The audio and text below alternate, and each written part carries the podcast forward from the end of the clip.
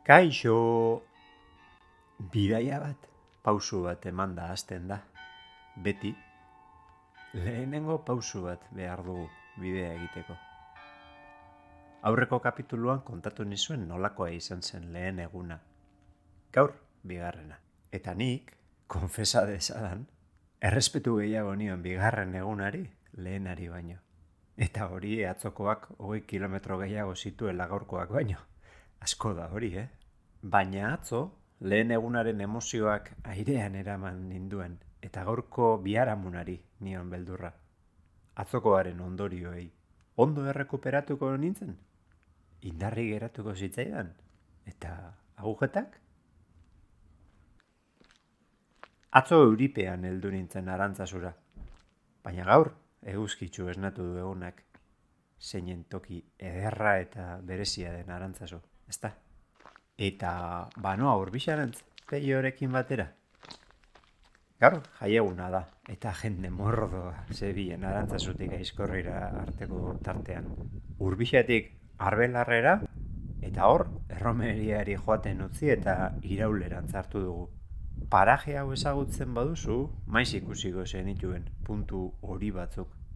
Segama aizkorri mendi maratoiaren markak dira. Gu kontrako norabideak nigo gara. Poliki-poliki, alda patentean gora. Irauletik, gaiur leherroa jarraituz, horra hor, zazpi proiektuko hirugarren tontorra. Aketegi, ohar bat, errespetatu dezagun toponimia ganora zikertu eta lantzen duen jendeak esana. Aketegin, aize sakarra eta laino mordoa zegoen eta ospa egin dugu aizkorri aldera. Dronarekin grabatzeko geneuzkan asmoi buruz, laga dezagun gaia, favorez. Gaurko etapan, nire bizitzako iragana oso presente egonda. Ama segamarra daukat, eta penaz geratu naiz. Lainoak ez didalako utzi, segama aldera begiratu eta amaren jaiotetxea ikusten. Atura pixka bat galtzean, santi espiritura bidean, bai, orduan bai, ikusi izan dut. Aiona amonarena zen baserria, zenbat aldiz egon oten nintzen handik ona begiratzen. Bestalde, jada hiru urte pasadira gaur kontrako norabidean egindako parajeetan segama izkorrin parte hartu nuenetik. Eta lasterketa hartan, besteak beste, orduko lankide eta lagun batzuk etorri ziren animatzera. Urte eta erdi pasada, kodezinta zutzi eta nire kasa diardu dala.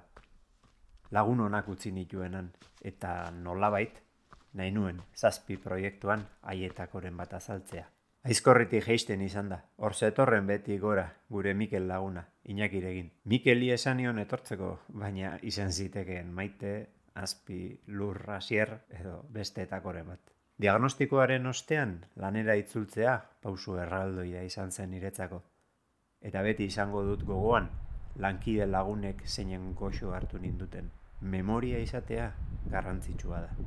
Lehen etapan, zeinen babestua egon nintzen kontatu nizuen. Diagnostikoaren ostean, inoiz baino gehiago jabetu naiz daukadan babesaz, familia eta lagunak. Denen artean aurrera egiten lagundu didate. Ez dut azten eta eskerroneko nago alboan izan ditudanekiko. Peio, Iñaki, Mikel Tokaioa eta Laurok elkarrekin egin dugu aldaolarako jaitxiera. Eta hotzaurtetik etxegaraterakoa Mikelekin egin dut. Etxegaraten bazkaldu, ene bat errepidearen azpitik pasatzeko demaseko buelta eman, eta bakarrik ekin diot, etaparen bigarren erdiari. Ordurako hogei bat kilometron eramatzen. Aizkorrin erromeria, jende mordoa, baina etxegaratetik aurrera pertsona bakarra ikusi dut. Bueltan zentorren eiztari bat. Aldapatintea dago, etxegaratetik balankaleku mendi alderako bi kilometro horietan. Ondo markatua dago GR amabi ibilbidearen markekin. Balankaleku tontorra ez nuen ezagutzen eta apur bat desbideratu naiz bertaraino. Aizkorri alderako bista ederrak daude eta kaguen amorro pixka bat eman dit ikusi dudanean etzegoela laino zikin bat ere mendilerro osoan. Beste batean izan beharko da, hango ikuspegia grabatzearena.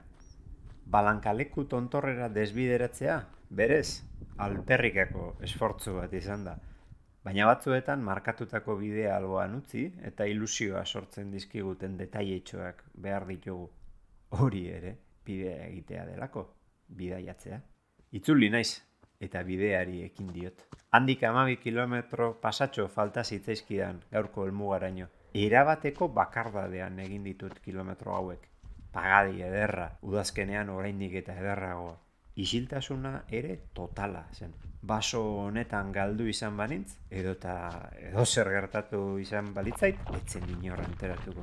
Bide gora beratxua amaitu eta behingoan Lizarrustirako jaitxiera, hasi da.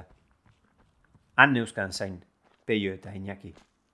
Horra amaitu da, nire balizko bakardadea.